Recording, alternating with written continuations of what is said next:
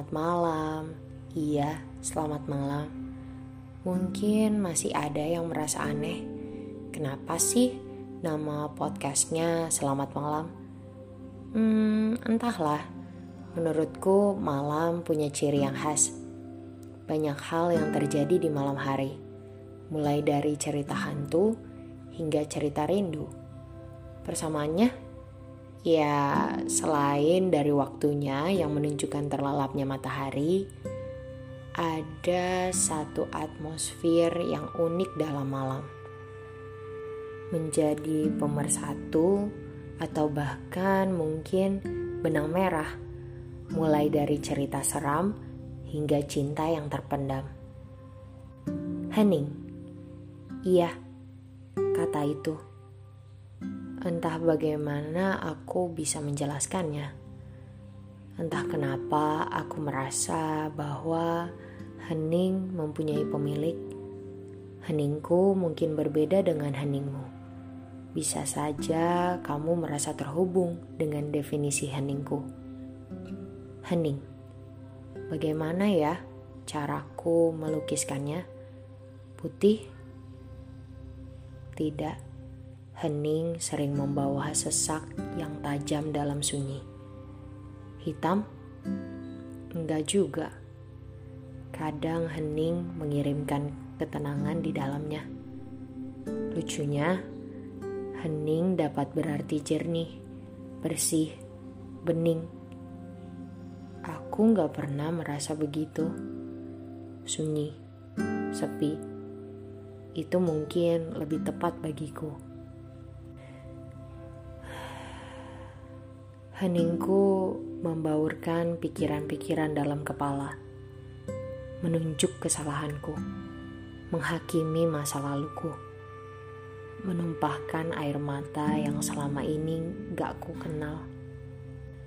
Sunyiku bersuara keras, dan akhir-akhir ini semakin keras. Pusing rasanya mendengarkan ia karena itu semua hanya terjadi di kepalaku. Apa kamu juga merasa begitu? Baguslah jika tidak. Baguslah jika hening membuatmu mengosongkan pikiran, memberi kemerdekaan untuk berpikir. Aku senang mendengarnya. Tapi jika iya, jika kamu juga merasakan apa yang aku rasakan, hmm, apa ya yang harus aku katakan? Hmm, hening kita nyata, dia ada. Mungkin validasi itu yang paling dibutuhkan. Melelahkan, bukan? Saat kamu harus menghadapi tantangan di dunia ini, tapi dalam otakmu sendiri ada perang yang tidak pernah selesai. Padahal kamu juga tahu, kamu tahu betul bahwa tidak akan ada yang menang dalam perang itu, dalam perang di dalam kepalamu.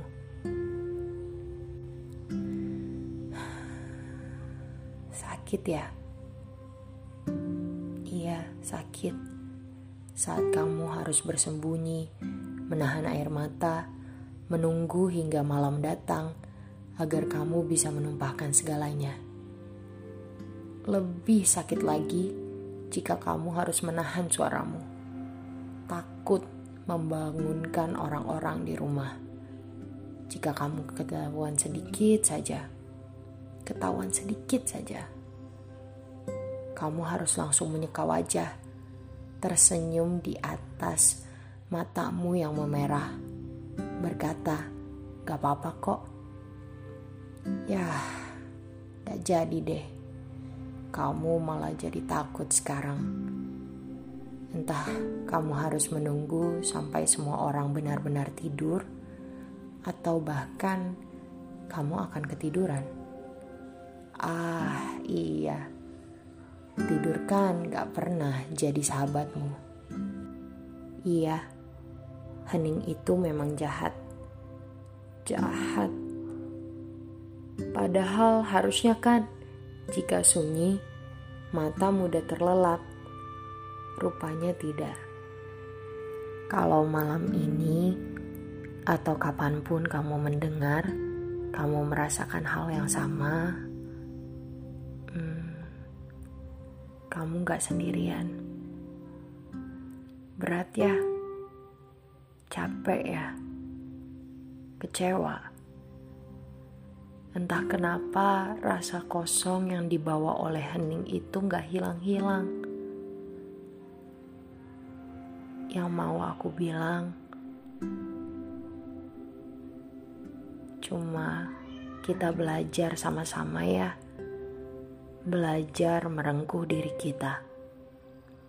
Karena mungkin, ini hanya mungkin. Hening itu gak dibawa oleh malam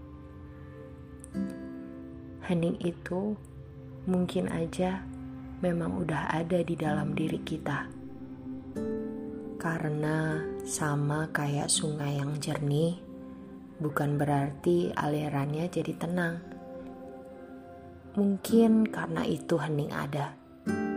Biar kamu dan aku menerima dan melihat diri kita dengan jernih dengan semua rasa sepi dan sunyinya. Bertahan ya, bertahan bareng-bareng. Karena aliran sungai yang jernih yang sekarang bikin kita takut, takut banget. Mungkin di masa depan suaranya malah bisa menenangkan kita.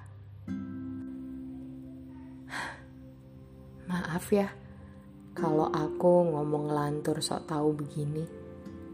Makasih ya udah dengerin aku storyteller dalam podcast Selamat Malam. Jaga kesehatan ya.